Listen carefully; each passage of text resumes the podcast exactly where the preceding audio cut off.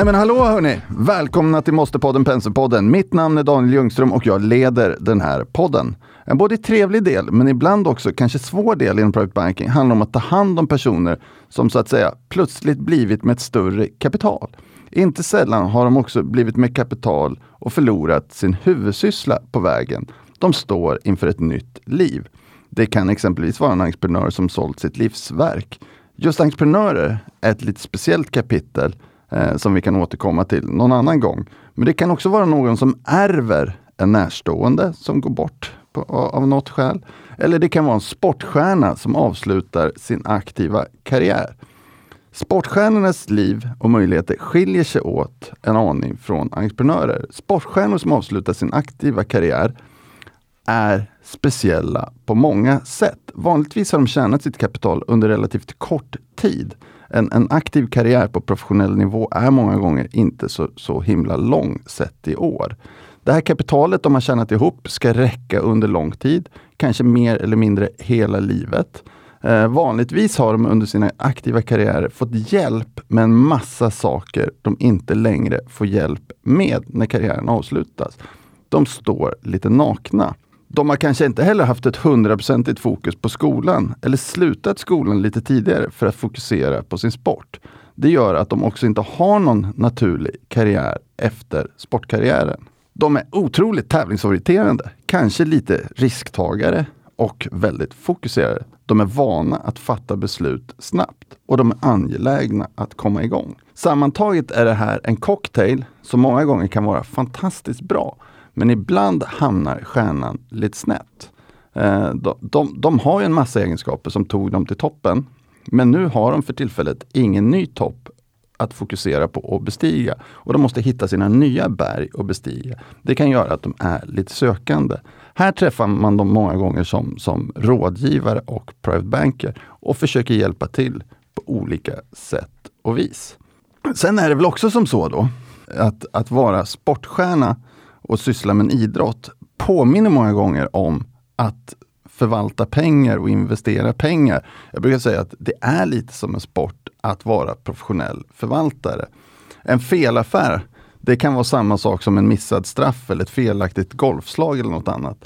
En dålig period i sport, då man går in och förlorar tävlingar man normalt sett tyckte att man borde vinna, kan vara ungefär samma sak som att ha en portfölj som inte performar fast man tycker att den borde det en bra period i sport kan göra att man seglar iväg lite grann och får kanske lite hybris, vad vet jag.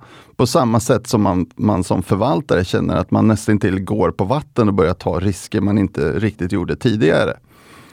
Idag så har vi Patrik Andersson som gäst i podden. Både för att prata om hur man, man går vidare efter sin aktiva sportkarriär till ett nytt civilt liv. Och också för att diskutera lite grann kring kapitalförvaltning och hur han jobbar med den saken. Sen visar det sig, och det kanske var, vad ska man säga, mer eller mindre eh, mitt fel, att EM börjar ju här, här, om bara ett par dagar. Och, och med anledning av det så måste vi också fråga lite grann vad, vad Patrik tror om, om just eh, vad ska man säga då, utgången av EM. För er som inte känner Patrik sedan tidigare, jag tror att de flesta faktiskt gör det, så, så har Patrik haft en otroligt framgångsrik karriär. Han har spelat i Barcelona, han har spelat i Bayern München. Han är en av de få svenskar som faktiskt vunnit Champions League. Och har en meritlista som jag har kopierat ut ur Wikipedia här nu då, som är så otroligt lång att jag tänker i det här fallet inte ens börja läsa på den. Inför den här podden så berättade jag för min chef Johan Mörner att jag ska ha Patrik Andersson som gäst i podden i nästa vecka. Då blev han snabbt intresserad och plockade fram sin telefon och frågade om vi kunde, vi kunde prata lite grann om en frispark. Han frågade först och främst, känner du till Patriks frispark? Nej, så jag känner inte till frisparken. Sen så, den måste du fokusera på. Han hade lyssnat på en podd som mer eller mindre bara handlade om den här frisparken. Och sen var vi tvungna att kika på, på Youtube-klipp över hur spännande det här var. Nu, nu kan jag lite mer om frisparken. Eh, jag vet vad den handlar om och jag ska fråga Patrik lite grann om frisparken. Men först och främst, välkommen till Penselpodden Patrik. Tack snälla, kul att få vara med. Det var en otroligt lång inledning. Ja. Men det finns, det finns skäl att ha en lång inledning i det här fallet, för det finns mycket vi kan prata om. Definitivt. Den här frisparken då, om vi börjar med den. det, det, det, är väl som så att en av de få sakerna man, man, saknar när man är kapitalförvaltare, det är att en bra affär liksom går lite till historien och spelas upp igen. Och lite, lite så är det väl som sportstjärna också ibland. Den här frisparken, den verkar ha följt med dig genom karriären. Jo, det är ju sant ju. I, i form av hur viktig den var för att uh, nå minimalmålet då för, för den klubben jag representerar då, Bayern München. Ja. Vi, vi, har, vi har relativt många yngre lyssnare på podden. Eller, eller av podden säger man kanske. Jag tror inte de riktigt känner till den här frisparken. Kan du ge oss en, en flavor av vad det var som, vad, vad var det för situation och vad var det för frispark? Det var ju säsongens sista spark då det handlade om eh, mål eller inte mål, vinna mästerskap eller bli, bli tvåa. Och sen med tanke på att vi eh, fem dagar senare skulle spela en Champions League-final så var det ett att, eh, att rädda vardagsmålet. Vardagsmålet i, i, i Bayern München är att vinna ligan ju. Och sen framförallt att ha med sig någonting inför Champions League-finalen som gav oss råg i ryggen. Och, eh, och det här var på stopptid, eller hur? Ja, det var på fyra minuters eh, stopptid. Och, eh, och ni, ni, får en indirekt frispark i straffområdet? Ja, så var det och eh, parallellt med detta så har ju eh, det laget som blev tvåa i ligan vunnit på hemmaplan och fått besked också om att matchen var slut i Hamburg och att Schalke var mästare och eh, firade redan på innerplan kan man säga. Men sen så lyckades de eh, se att eh, via storbildsskärmen då att matchen pågick fortfarande i Hamburg då och eh, följde det här dramatiska slutet och just den här eh, vändningen då. Det är ju lite vad, vad idrott, vad fotboll handlar om. Det är det här med, med känslor liksom. Att, hur, hur, gammal var du vid tillfället? Eh, jag skulle fylla, eh, jag var 30 år då. Hur, hur, många, hur många är så att säga, hur, hur, många, hur många är på läktaren vid ett sånt tillfälle? Hur många som är på läktaren? Ja, ungefär. Strax över 50 000. Är... Och, och, när du får, för, för du, var du den naturliga frisparksläggaren vid det tillfället? Uh, jag var kanske inte först i kön i Bayern München. Vi hade ju ett antal frisparksskyttar där ju, men eh, just i detta fallet ju så befann sig två av de tilltänkta uh, på, på bänken. Och eh, Effenberg då eh, har jag ju en lång historik tillsammans med där jag har tagit mycket frisparkar i våra tidiga år tillsammans. Ja. Mm. Så han gav mig förtroendet. Och, och då kan man tänka sig, och det, det, är så jag tänker på den här frisparken, att det, det, är en frispark som du mer eller mindre, vad ska man säga, vem som helst kan inte slå den. Hur förbereder man sig för att kunna göra en sån, att slå en sån frispark? Ja. Nej, men det är otroligt svårt ju. Det, är ju, det går inte att, förbereda sig. Det är ju så otroligt mycket, du känner ju pressen liksom att nu ligger det på dig. Och, eh, i, I detta fallet så var det ju eh, visst, det hade eh, inte så mycket tid till exempel va? och så mycket människor i vägen. Va? Men där fanns egentligen bara en lucka och den lyckades jag hitta. Och hur tänkte du inför? Hade du bestämt dig, när bestämde du dig för hur du skulle slå frisparken? Nej men det är ju som, man gör en snabb analys, ett överslag liksom och lite hur man tittar, var är möjligt, vilka vinklar och så, var kommer folk då eh, attackera då? Och där blir ju inte så många val till slut ja. Och så drar du till. Och hur går tankarna efteråt?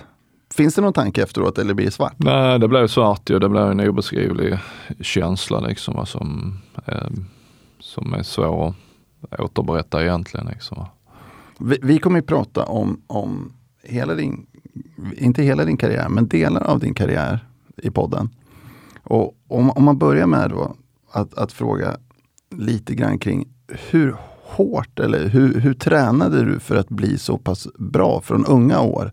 Ja, men det, är, det är ju lite vilka grundförutsättningar man har. Mycket handlar ju om miljö ju. och det är ju ett val som ens föräldrar gör. Var bosätter man sig? Och jag växte upp i ett litet samhälle med närhet till grönytor ju. och, och, lokala föreningar. Och sen kan man säga att eh, när jag växte upp ju, så ja, man började inte spela i organiserad verksamhet förrän man var åtta va? och vi tränade ju bara två pass i veckan då. Hade föräldratränare, ett, ett bra gäng. Va? Men det, det möjliggjorde ju att jag kunde, kunde både spela handboll, basket och, eh, och bordtennis till exempel. Och sen all fritid var ju spontanidrott. Va? Så fick jag en väldigt allsidig träning som jag tror att jag hade väldigt nytta av eh, längre upp i åldrarna. Anledningen till att jag gick vidare med enbart fotbollen var ju att turneringarna började tangera varandra och att då, var, då var jag tvungen liksom att göra valet. Va?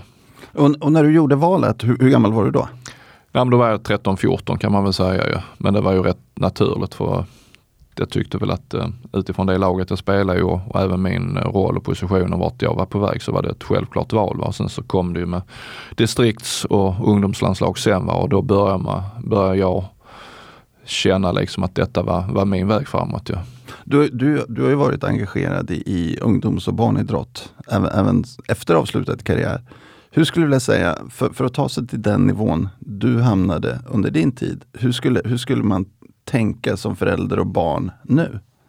Förstår du? Det är Ja. lite andra förutsättningar. Ja men så är det. Va? Sen har jag en förståelse för att eh, idrott är ju för alla. Va? Men det måste finnas elit, det måste finnas bredd. Va? Sen är det under vilket tak. Ska det vara ett gemensamt tak eller ska det vara ett separat tak? Va? Men viktigt är att man hittar miljöer som passar alla individer va? och hittar formerna där så att, så att man kan stimulera en personlig utveckling. Va? Sen kan väl jag säga att vi var ju ett litet kompisgäng där ju. Men vi, vi körde ju med toppat. Vi spelade ju de bästa för att vi skulle vinna va? och vara framgångsrika där. Va? Sen är det ju att, att eh, vi går vidare på, på olika håll. Va? Och, och din känsla kring, nu, nu är inte jag superinsatt i, i, i ungdomsfotboll, det ska jag villigt erkänna. Men som jag har förstått det, att nu för tiden till exempel så räknar man inte mål förrän man kommer upp lite i åldrarna och så vidare. Hur ser du på den typen av utveckling? Men jag upplever att barn, eller om man tittar på sig själv, liksom, vi har ju tävlat i alla former. I lek, i, i brädspel, allt momentet. Jag tror inte att det går att lura barn för de kommer ändå ha någon intern räkning. Va? Så. Nej. Man, man, man vet ungefär vad det står. Ja, det är ju likadant med skolan. Utbildning, där finns också att man jämför sig. Liksom. Ja. Hur många rätt hade du? Det ena och det andra. Det är ju att stimulera en, en drivkraft. Liksom. Och det är ju så att idrott, eh, det går ut på att vinna. Ju. Jag, jag, kan, jag kan hålla med om det och jag kan sympatisera med det. Å, å andra sidan så kan jag ju konstatera att jag har ju personligen två barn som ser lite, lite olika på, på begreppet tävling. Min, min son han tränar för att tävla medan min dotter tycker att tävlingsmomentet är ett, ett jobbigt inslag i aktiviteten. Så i min värld så finns båda alternativen Mm. så är det Mm. bra, där man Mm. kan fostras åt Mm. det håll. Nej, men det är ju viktigt. eh, Men en av mina styrkor har varit min inställning. Och inställningen är att oavsett vad jag gör prestera så bra jag kan. Va? Sen får man vara också ödmjuk. Liksom att det, alltid räcker det inte. Va? Men eh, i varje fall att man kan se sig i spegeln och säga nej men jag gjorde mitt bästa men det räckte inte idag för det finns någon annan Mm. som är bättre. Va? Ja. Och det, det lär man sig ju. Jag tror att i oss alla som är otroligt eh, drivna finns det en dålig förlorare. Mm. Men ju äldre och ju mer erfaren så hanterar du liksom och inser, nej men jag gjorde så bra jag kunde men idag så fanns det någon annan som var bättre och då får man bara köpa det. Sporrade det eller tyckte du det var jobbigt? Nej, det, det sporrar ju mig. Så, så för mig så var ju vardagen, trä, träningen, varje träningspass var ju en match. Varje passning var en match. Att, att missa en pass, det var inte bra. Utan då sätter man den här inre pressen på sig. Va? Men då, då höjer man också ribban och det är det som är det här nötandet. eh, Du, ger ju resultat ju. Ja. Du, du, du måste ändå ha gjort en del uppoffringar på vägen. Kände du att det var uppoffringar när, när du ägnade kvällar och helger åt fotboll? Ja, Relativt kompisar eller kom det naturligt? Ja, jag tyckte, alltså det var, jag upplevde att eh, på 70-talet när jag växte upp var väldigt okomplicerat. Jag var väldigt dedikerad i skolan så det kretsade kring skola och Mm. sen då någon form av rörelse, intresse. Och sen var det ju kompisar när det då tillät. Va? Men det var ju att man träffade kompisarna i skola och i förening. Va? Så du fick ju det normalt. Sen, gjorde man ju, sen var det matcher och andra saker på helgerna. Så N- när började du spela seniorfotboll? Eh, när jag var 14 år faktiskt. Och det var Bjärs IF då, nuvarande division 2 var och då var det så att tränaren då, Christer Nilsson, ringde hem till mamma och frågade hur hon ställde sig om han plockade upp mig i, i, i A-laget. Och då sa hon ju bestämt nej, för hon var lite orolig för jargongen i, i omklädningsrummet. Men eh, det brydde inte han sig om så han lyfte upp mig då som 14-åring. Och, och hur kändes det att komma till ett seniorlag som 14-åring? Var du stolt eller var du nervös? Eller var du... Inte så. Alltså man kan väl säga att eh, det handlar ju om att eh, via sina kvaliteter på plan. Liksom på plan och där var man ju en i teamet. Va? Eh, okomplicerat. Och då gällde det att, eh, att få ett förtroende utifrån eh, kvaliteten man hade. Va? Så det, det var inte så konstigt. Sen var det ju det var ju eh, killar från orten om man säger så. Va? Så Ja. det var inte så konstigt. Va? Och, och sen byter du klubb lite senare. Ja, nej men viktigt för oss, tillbaka till det här att just att ha vad är rätt människor? Men i varje fall rätt människor är ju människor som man har en trygghet till och att man känner att man kan stämma av med. Mm. Om det skulle vara något. Jag har haft en far då som har haft då en lång fotbollskarriär, spelat i landslaget. Så jag har alltid haft någon att vända mig till va? och vad är rätt läge att ta nästa kliv? Va? Och för oss var det att komma till en klubb först då man konkurrerar om en A-truppsplats. När jag var 17 då så hämtade Roy Hodgson mig till, till Malmö då. Mm. Om man tar din pappa, mm. som, som, ju, som ju också var, var, en ganska firad fotbollsspelare får man väl säga på alla sätt och vis. Vad tror du att han har betytt för dig? Hade, hade, du, hade du hamnat där, du till sist hamnade utan honom? Jo men definitivt, eh, framförallt i valet och just att man har eh, tålamod att, att inte kliva för tidigt. Va? Just där är ju ett avvägande. Vi vet ju alla hur tufft det är att komma in i en i en, eh, vad ska jag säga, elitklubb, storklubb, kanske för tidigt med den, med den tuffa utslagningen. Va? Utan, och sen framförallt att eh, tajma det så att den som verkligen hämtar dig har ett förtroende. Va? Och det krävs ju mycket, i detta fallet av Roy Hodgson som precis nu avslutat sin managerkarriär i Crystal Palace. Då, va? Att våga satsa på en 17-åring liksom, i det sammanhanget. Va? Och du fick ett ganska stort genombrott också ganska tidigt mm. då. Nej, men jag kom ju till, till eh, en klubb som vann allsvenskan fem år i rad och spelade internationellt och tillsammans med spelare från Göteborg. Då var stommen i VM-laget 90 va? och kom till en bra, bra miljö.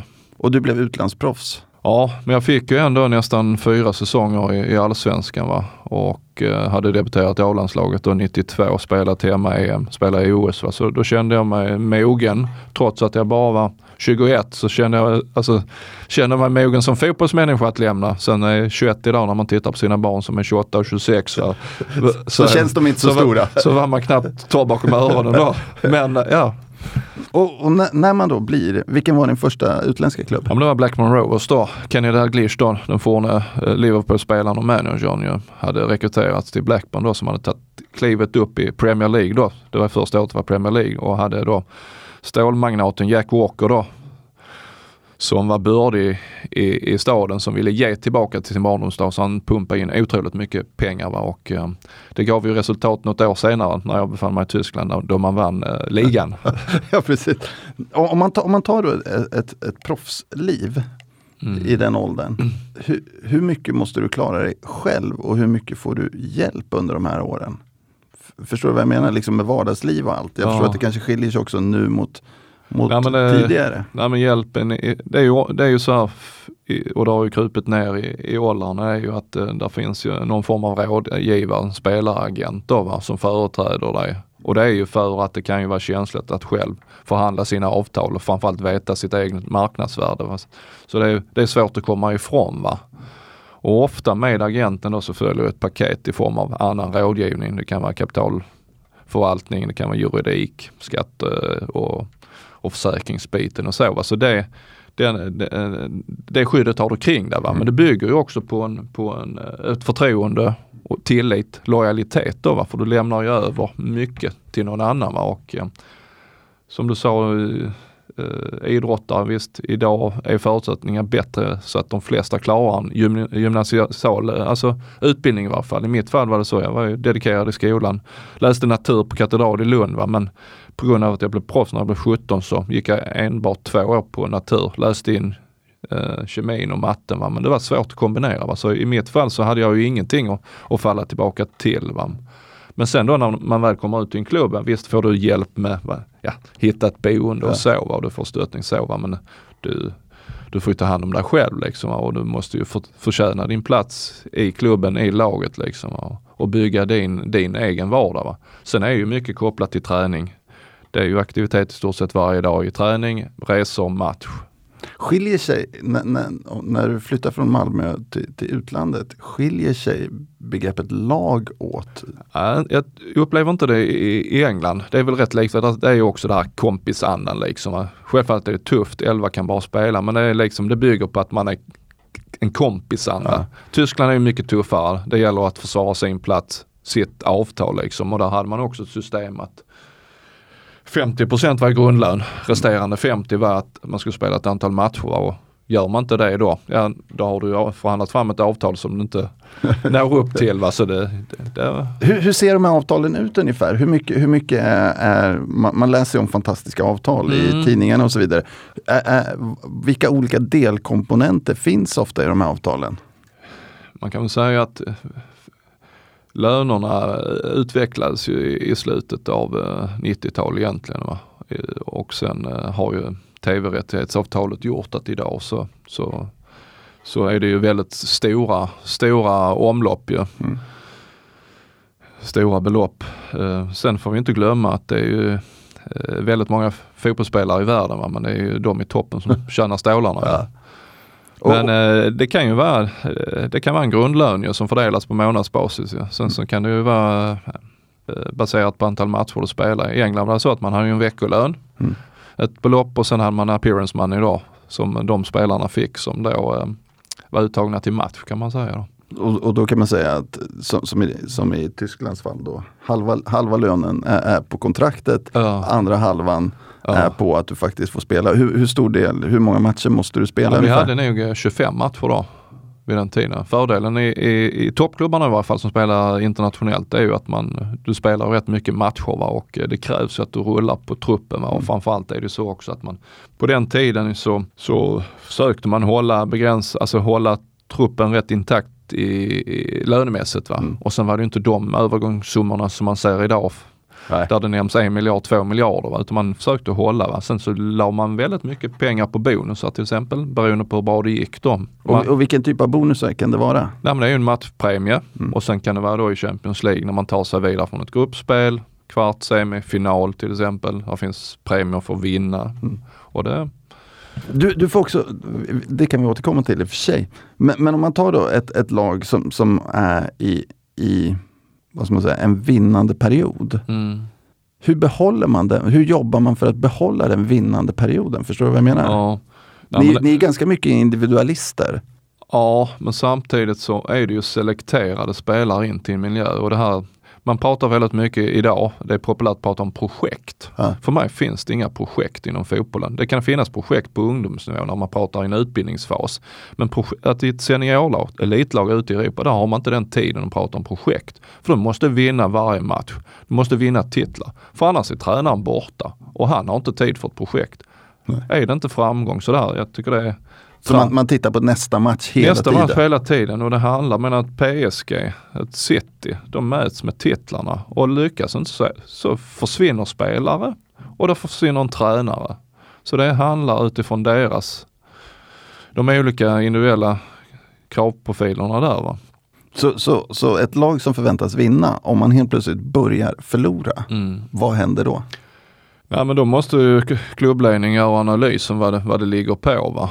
Uh, det... Och då finns det inte, då är det inte ett projekt att spela ihop laget eller lyfta Nej, sig? Utan, utan du har ju redan gjort det valet inför säsong. De här 22 spelarna och 24 spelarna är det vi satsar på. Sen kan det visa sig att det inte räcker till.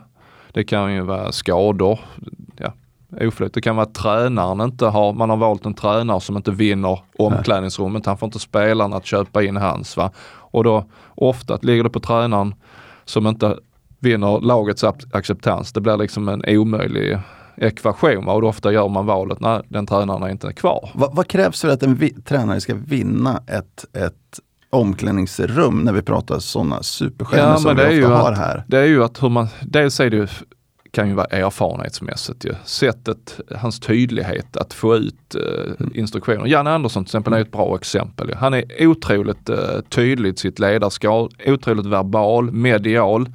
Och han har ju fått laget att köpa in på hans modell och sen är det ju positivt också om man får resultat. Va?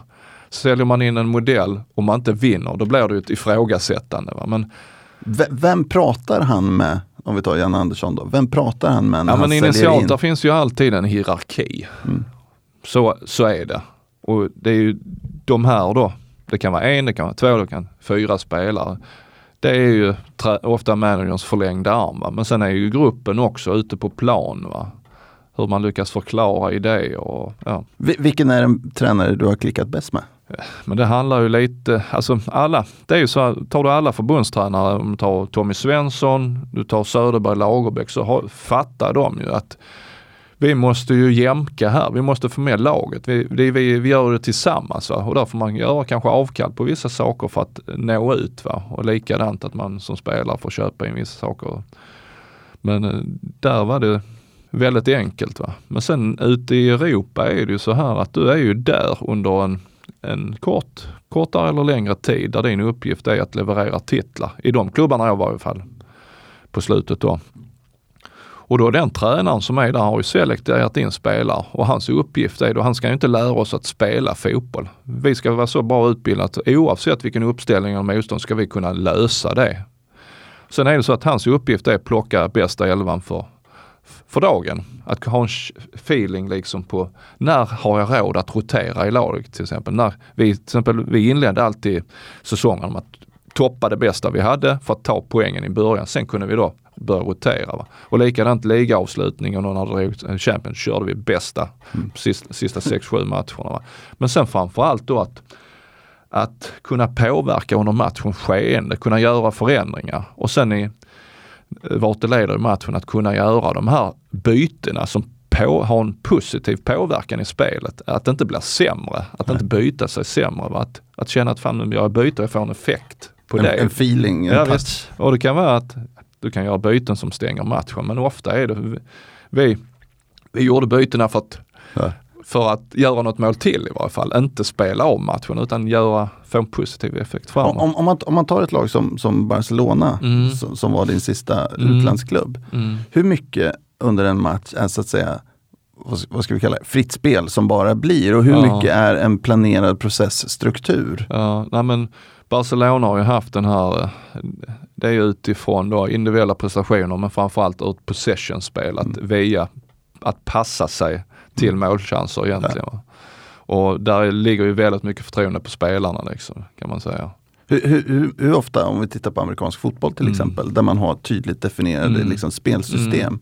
Hur, använder man motsvarande i ett lag som, som Ja men det kan man väl göra och det handlar ju lite om hur man, ska, uh, hur man förhåller sig, uh, uh, hitta vinklar, möjligheter framåt och hur, och hur många sådana passningar kan det finnas i ett system? Nej, men det handlar ju om att titta, alltså det bilda trianglar över hela planen egentligen och sen spela förbi linjer för att göra det svårare för motståndaren. Men det handlar hela tiden om att jag som bollförare måste ha, ha ett antal vinklar ja. i vägen upp. Va? Ett par alternativ hela Nej, tiden. exakt och gärna två, tre. Va? Samtidigt så som när passningen är på väg att medspelarna är löpande och förhåller sig till nästa då. Så mot, mot slutet av karriären mm. så börjar du dra på dig lite skador. Mm. Hur, hur, hur, mentalt hanterar du de här skadorna? Ja, men först vill jag säga också att jag har varit väldigt förskonad. Ja. För det var ju först i slutet av min karriär. Va? Och det är ju många års nötande, många års belastningar och jag hade otur. Eh, hade otur inför VM 2002 när jag drog på mig en ledbandsskada då i februari och kände väl att eh, eh hade lite tidspress också. Och, eh, eh, Sverige då, som hade, vi hade gjort ett fint kval till, till det VMet, skulle ta ut truppen i maj. Va? Mm. Så det blev en liten kamp mot klockan där det gällde att bli, bli fit och uttagningsbar, vilket jag gjorde. Va? Men sen så råkade jag göra en liten felbelastning då på kvällen in, innan premiären mot England och hamnade i någon form av ytterläge och det visade sig att jag drog höftsenan. Och just den skadan, eller konsekvensen av ledbandsskadan och, och gjorde väl att, eh, att um, jag inte blev riktigt frisk efter det utan jag fick följdskador utifrån då att jag, jag kanske inte löpte rent. Eh, ja, så det ena gav det andra. Ja, precis, det sliter. Ja, visst. Och då kände jag väl liksom att eh, jag var på väg, eh, hade väl tänkt egentligen att avsluta min karriär i utlandet. Va? Men kände väl också att jag hade ont varje dag, varje träningspass gjorde ont. Va? Men fick möjligheten ändå att avrunda i Malmö. Va? Äh, återförenas med min bror vinna SM-guld med Malmö då. Var det det onda som gjorde att du började tänka på att avrunda karriären? Ja, men det handlar väl att uh, utifrån att jag hade alltid ont uh, och att jag kanske inte nådde upp till den ribban som jag lagt på mig själv. Liksom. Men sen framförallt det också det är ju inte själva det här på plan som är slitande, det är ju livsformen som är slitande. Att hela tiden vara på rulle, resa tre gånger i veckan, alla hotell, just det här. Och sen då tyckte jag ju att att jag hade fått uppleva allt som är möjligt som svensk, vid det tillfället i varje fall. Ja.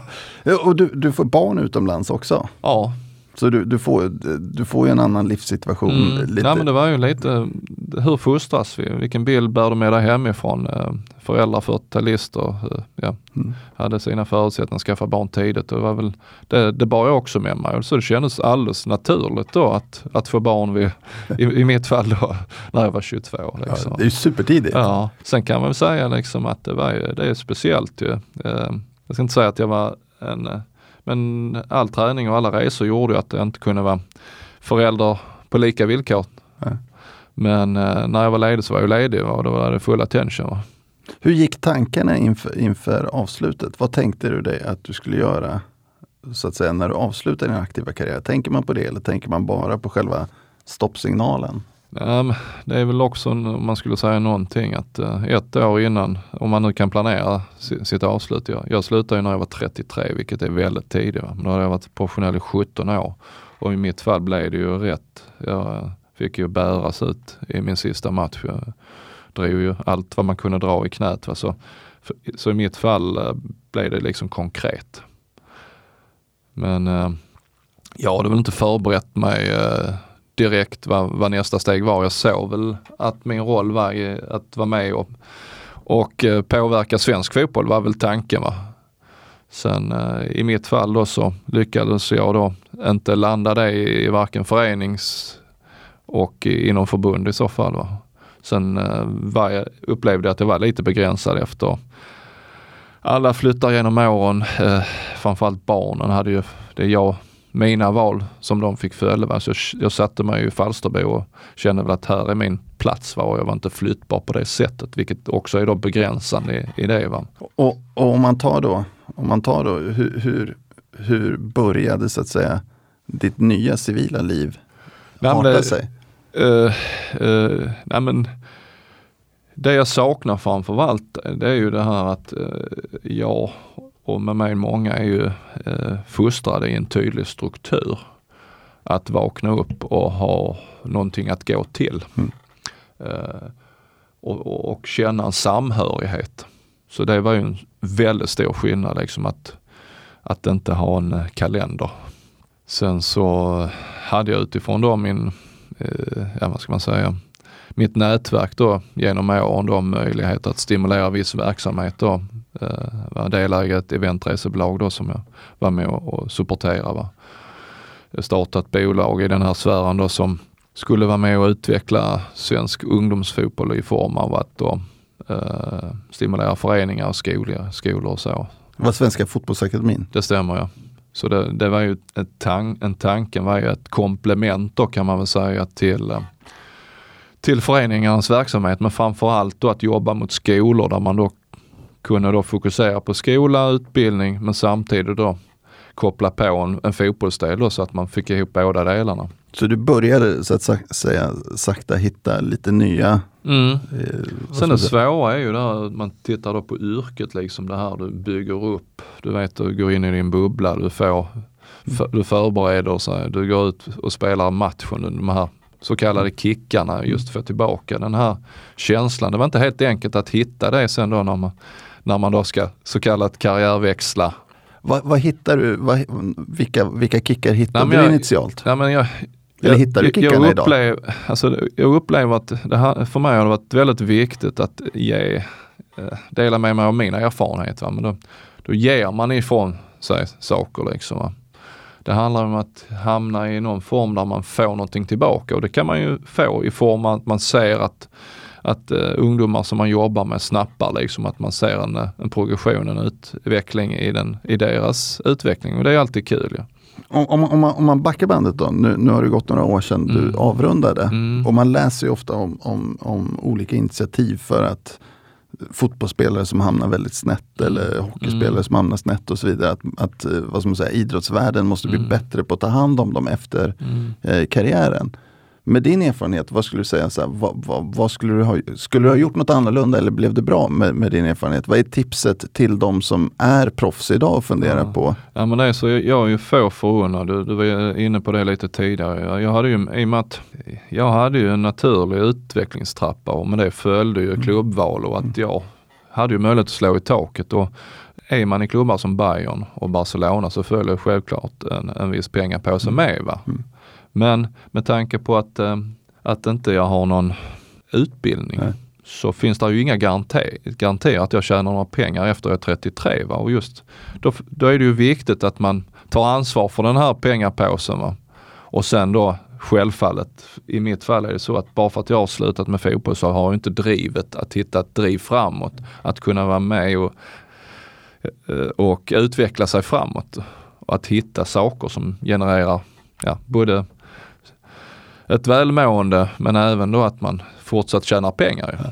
Om, om man tar då från, från det att du slutar så, så börjar du med den här resefirman som Mm. var Steve Perman Sporttravel va? Mm, Eh, sen började du med Svenska Fotbollsakademin. mm. Och sen, konver- sen konverterades ju eh, akademin. Det blev ju så att det vi gjorde en eh, management buyout där, alltså personalen tog över utbildningsdelen och ägarna hade då på resans väg investerat sig i idrottsskolor. Och där såg vi, eller framförallt min drivkraft var ju det här att jag vill hitta en miljö där ungdomar får bra utbildning och samtidigt kan leva ut sin dröm i form av sitt idrottande då, få ihop det i kittet. Va? Så såg väl en, eh, en möjlighet liksom att, att vi kunde expandera då från tre skolor till fler. Va? Och det var ju så jag kom i kontakt med, med Ola Serneke då, grundaren till Serneke Group då. Där såg jag en part, jag hade tittat på hans bygge i Kviberg där man hade två grundskolor inhouse nära eh, idrottsfaciliteter eh, då. Va?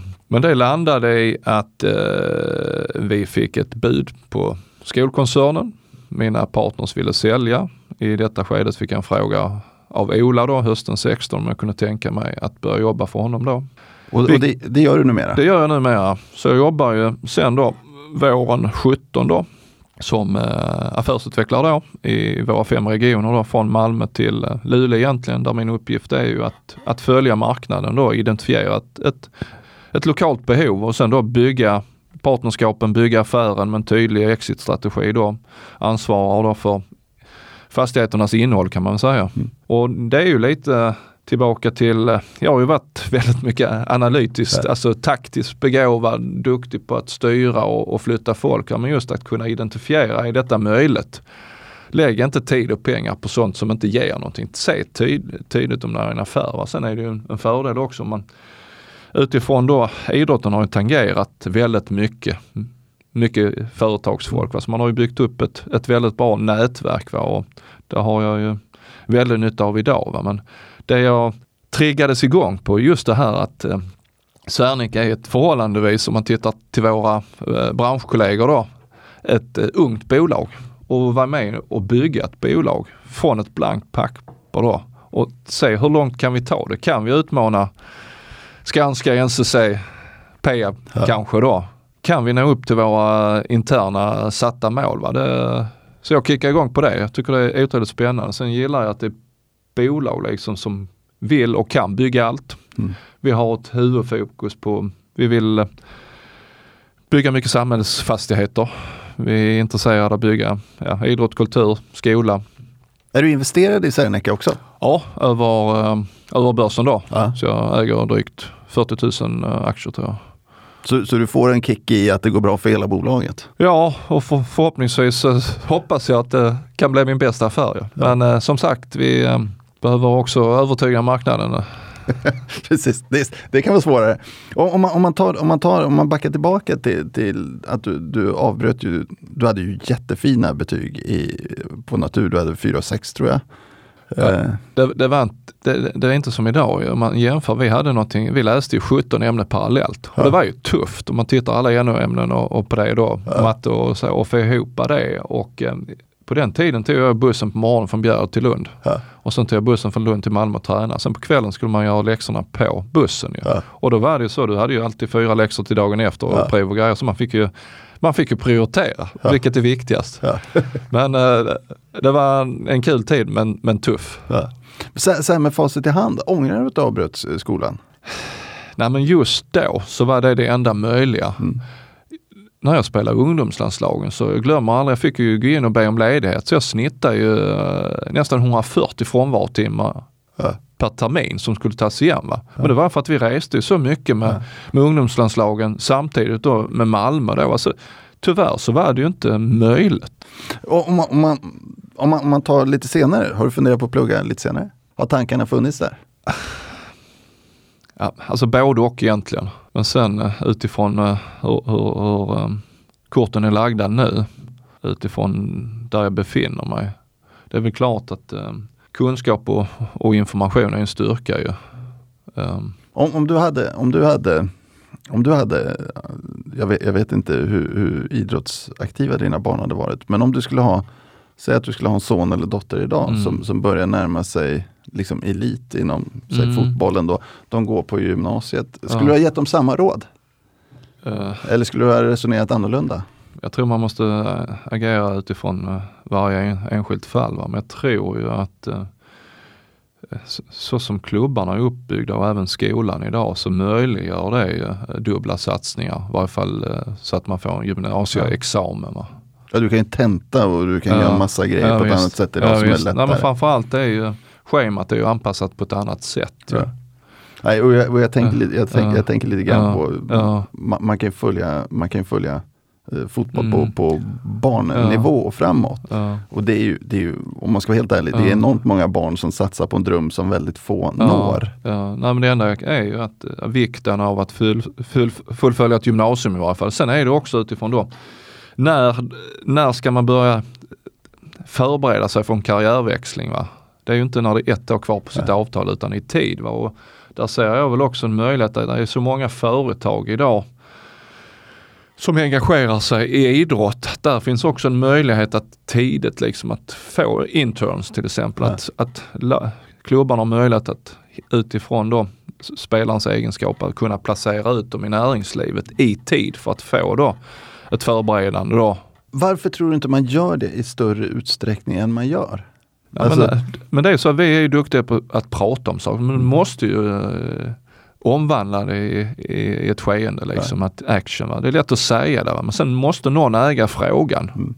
Är det kortsiktigheten som, som vi pratade om lite tidigare som gör att man kanske inte riktigt når dit? Att man, man skriver kontrakt med en spelare på, på säg tre år, men man tävlar match för match? Ja, sen är det ju så också idag utifrån då potentiella skatteupplägg när man tar hit spelare. Det är väldigt många, en del klubbar jobbar med korttidskontrakt också, mm. sex månader.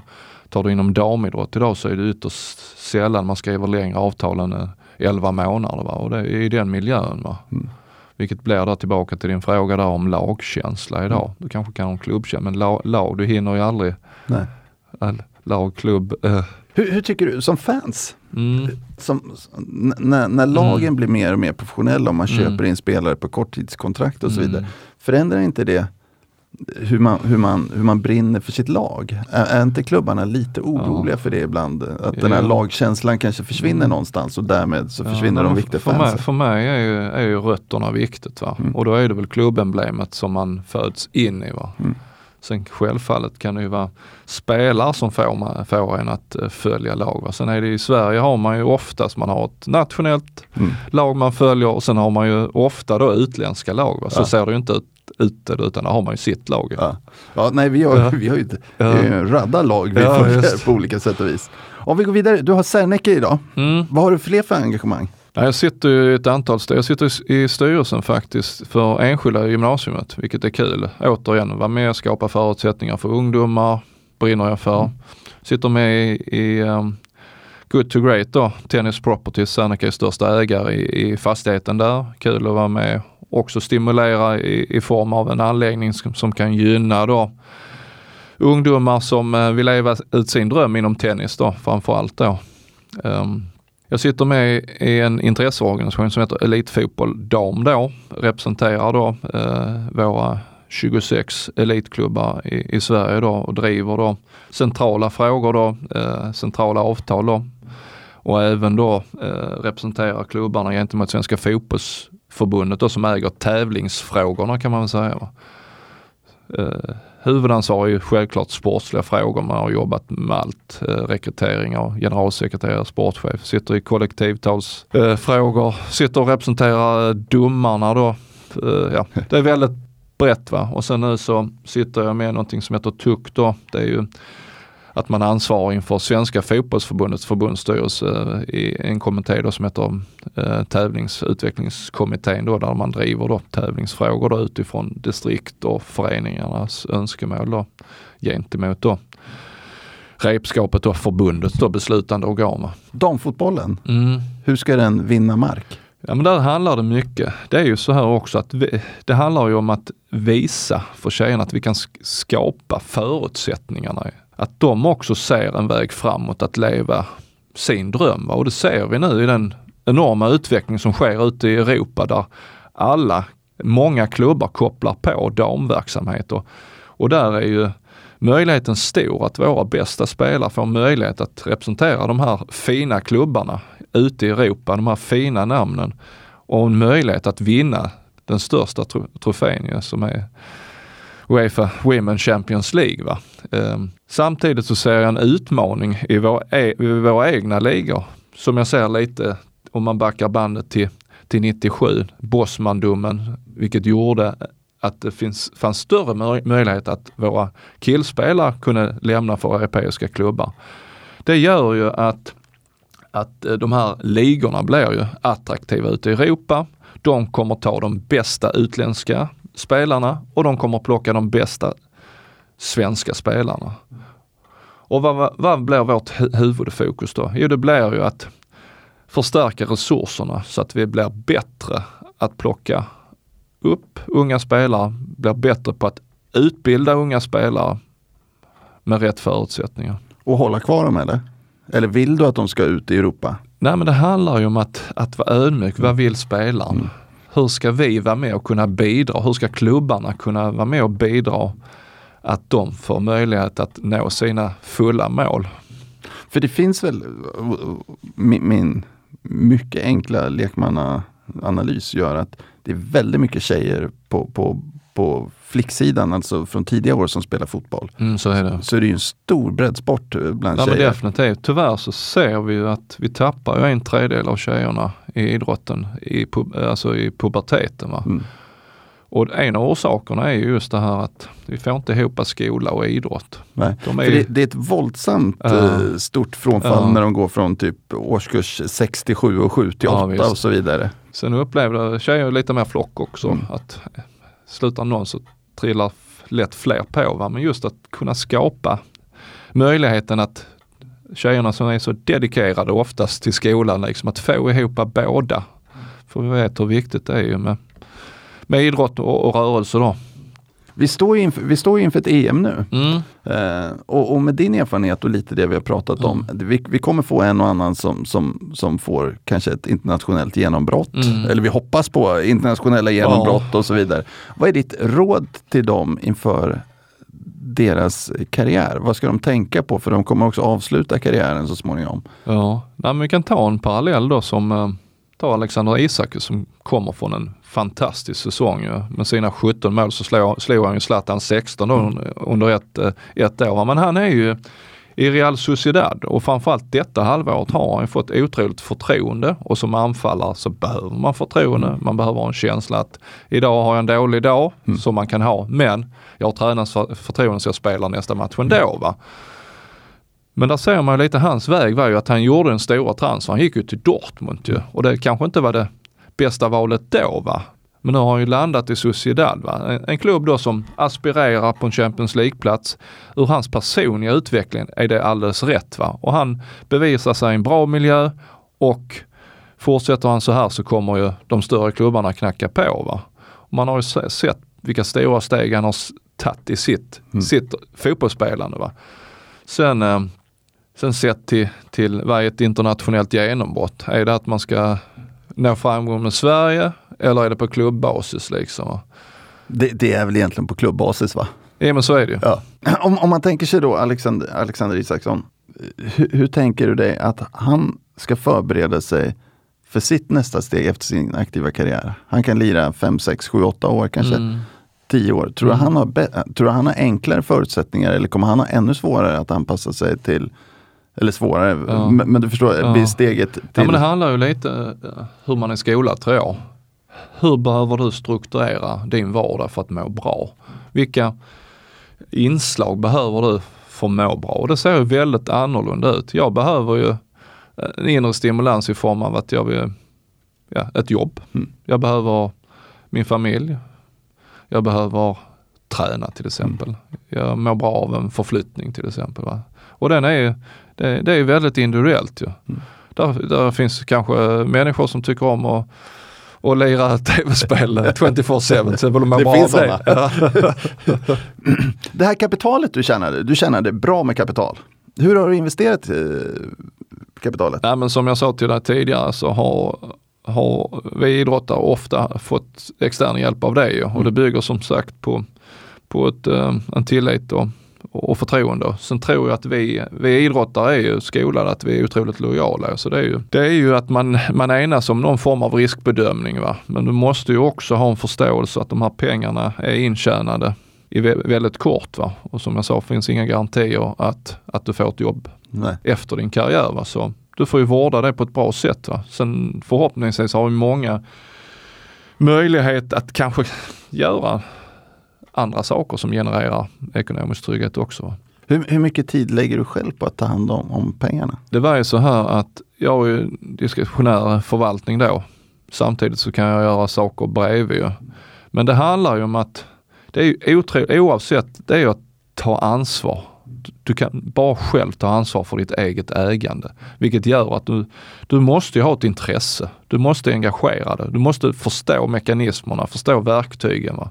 Och det är inte enkelt. Va? Men som sagt, det är, det är en viktig del. Va? Har du lagt tid på att förstå? Ja men det har jag väl gjort och framförallt eh, det är, det är ju svårt under själva karriären. Va? Då får man ju på den tiden var ju först via fax en rapport, en månadsrapport eller så fick man ett utskick och sen var det kanske ett personligt besök då på plats nere i Europa av din, av din eh, förvaltare då. Va? Och sen då tog man ju tillfället i akt då när man var i Stockholm med landslaget att titta in på kontoret då. Va? Men, eh, nej men sen har, har det ju utifrån då att jag börjat intresserat mig så de sista, ja, säg de sista åtta åren i varje fall, att, eh, så försöker jag vara väldigt påläst och ha en förståelse och, och ställa, ställa rätt frågor i varje fall och, och ställa de jobbiga frågorna också. Liksom, Ja. För att, ja, att vara med och, och försöka Du, du, hade, du hade diskretionär förvaltning från början. Handlar du något själv nu för tiden? Investerar du själv? Nej, men vi har, Serneke antar jag? Ja men den är, den är gjord och den bygger ju på, eh, på dels att jag, min tro på bolaget och vad vi försöker göra. Mm. Men samtidigt så är det ju, eh, handlar det om att, eh, att, att visa att jag tror på bolaget. Ja. Sen har jag gjort en investering i Ideös, ett Mm. väldigt fint eh, bolag, fastighetsbolag då, som är, är lite personrelaterat också som jag har haft mycket att göra med eh, och har då eh, ja, en, en, en eh, bekantskap med, med Knut Rost och, och Bob Persson. Liksom, va.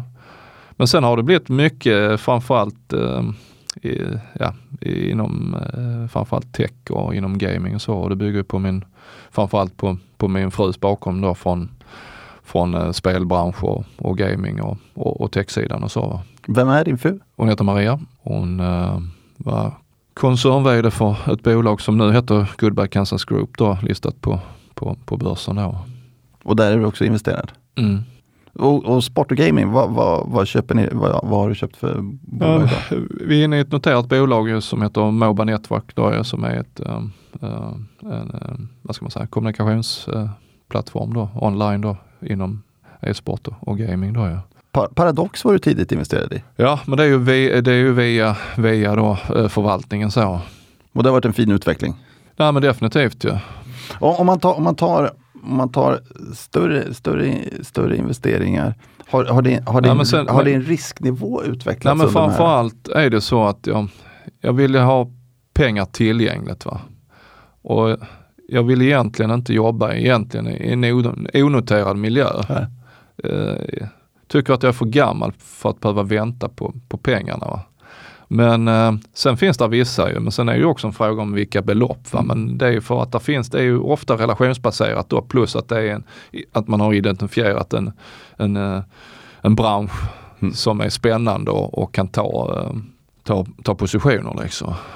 Hur, hur mycket tid lägger du på att, att försöka läsa på och, och förkovra dig och så vidare idag? Ja, men jag, försöker, jag försöker läsa det jag kan eh, utifrån då, eh, branschtidningar och så. Och, Och vad tror, vad tror du nu om, om vi tar tech och så vidare? Som, och vi säger börsen, det är högt värderat. Känner du att du, du ökar risk härifrån eller känner du att du minskar risk härifrån? Nej, men jag ligger ju kvar i det. Sen är det ju, eh, sen är det ju också om eh, i vilken form du äger. Är det på kroppen eller är det bolagsform? Ja. Men eh, jag är rätt trygg där jag befinner mig just nu i alla fall. Fritidsmässigt, Mm. du drabbades enormt tidigt av det här paddelviruset. Mm. Nej, men jag fick ju eh, lära eller bekanta mig det redan 2001 när jag var i Barcelona. Ju. Det är så otroligt stort. Ja, nej men det är ju, dels är det ju eh, väldigt socialt tycker jag. Mm. Och det är en form av, av, av eh, racketsport då som de flesta kommer in i snabbt. Va? Men just den här sociala och sen, sen för mig är det ju ett strategispel också. Va? Ja. Att jobba med vinklar och jobba med, ja, med slag och förflyttningar och taktik. Alltså så, så jag har faktiskt eh, väldigt mycket ut av det, tycker om det. Hur mycket spelar du?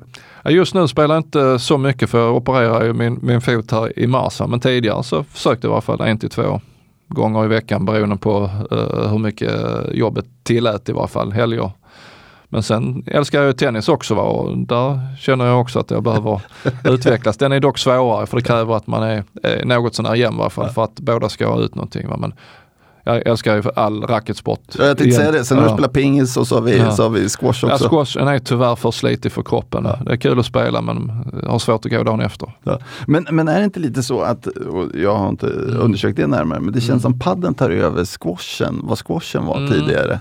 Ja men det har ju blivit, sen, sen, sen tror jag att den är något dopad nu. Vi har ju tennisen, eh, padden och golfen har ju varit dopade under pandemin. Va? Ja. Sen tror jag också, det har ju, alltså det har ju varit en enorm utveckling eh, i padden då. Mm. Men sen är utmaningen med padden är ju att den har ju byggt utifrån ett kommersiellt perspektiv. Att eh, anläggningarna är, är ju privatägda va? och drivs utifrån sina då. Va?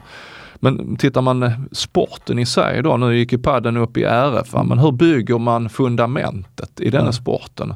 Hur bygger man ungdomspadden? Ja, jag tänkte säga, det finns nog inte så mycket Utmaningen ungdoms... där, för nu, just nu ligger ju, eller fram till nu i alla fall, ligger ju anläggningen och taktar på 95 procent. Mm. Hur kan man subventionera in ungdomsidrotten i padden? Ja. Nej, men, och det känns som att padden har dragit Mm. till sig många som kanske inte tidigare idrottade, Mm. som, som ändå lirar paddel. Ja. Lite kanske vad golfboomen var Mm. eh, för, för många år sedan. Så det blir väl att bygga en ung, om du vill bygga en riktig idrott av det.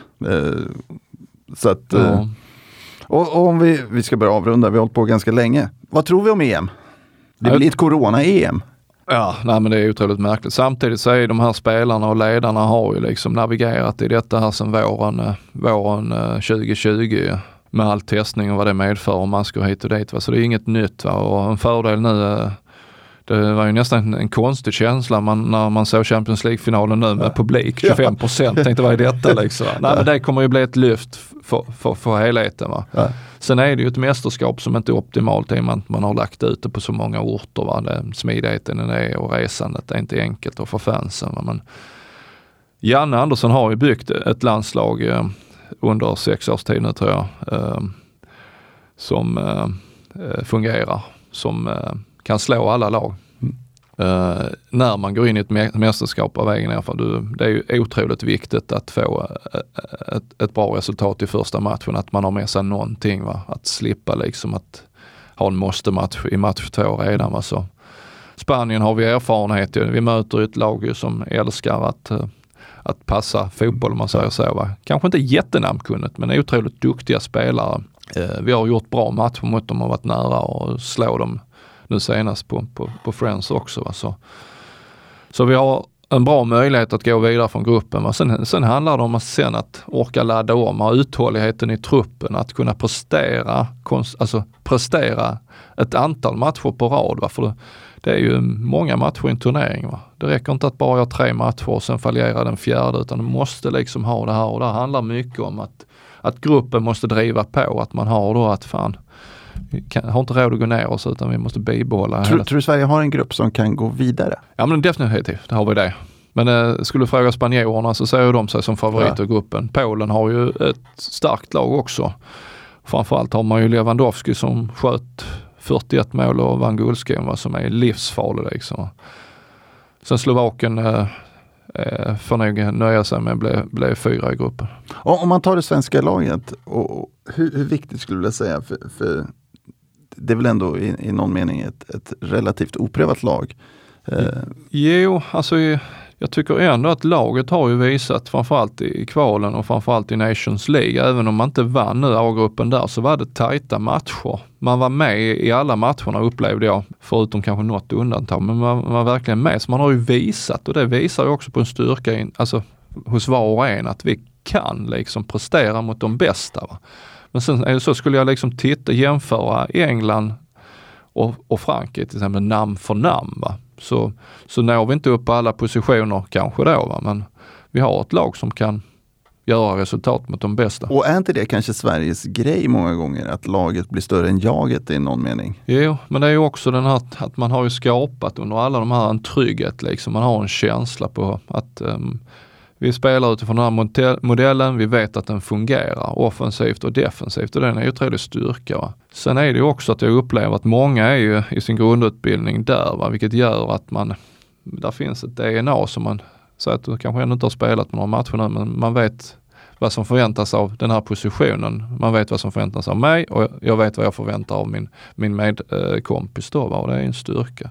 Jag, jag, tror att det är många som saknar Zlatan en, en sån här, mm. eh, en sån här turnering. Saknar du en Zlatan i en sån här turnering? Jag säger så här att vi vill ju att när det drar ihop sig till mästerskap så vill man ju att de bästa tillgängliga spelarna är på plats. För det är det vi vill se och det är det som lyfter turneringen. I detta fallet har vi sett att Zlatan har varit borta fem år, han kom tillbaka. Vi har, vi har sett hur han har förändrat sitt spel. Men han har inte förändrat sin kvalitet. Nej. Och vi vet ju att han är med sin fysik, med sin teknik ett hot mot alla. Och han har också egenskapen att han gör sin omgivning bättre och han har ju förmågan att sätta dem i, i, i, situationer. Va? Så självklart är det synd att han inte kan vara med. Va? Samtidigt så har ju laget visat de här åren han inte varit med att man har ett lag som kan, kan leverera. Törs du tippa resultat? Ja, Nej, men jag har tippat England faktiskt. Mm. Och det bygger mycket på, vi har ju sett liksom klubbfotbollens uh, utveckling i, i, i, England. Och sen har man ett, ett bra balanserat lag. lag.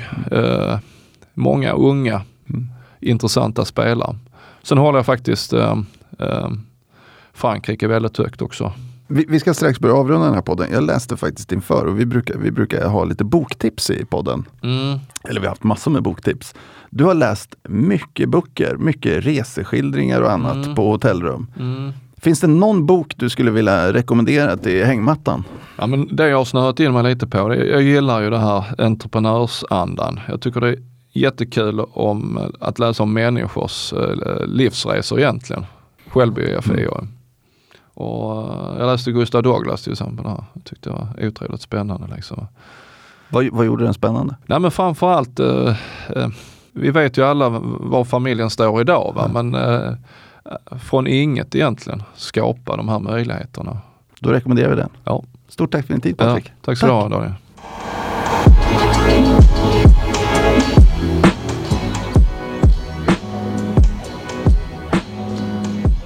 Denna podcast är utgiven av Erik Penser Bank och är avsedd att marknadsföra bankens tjänster.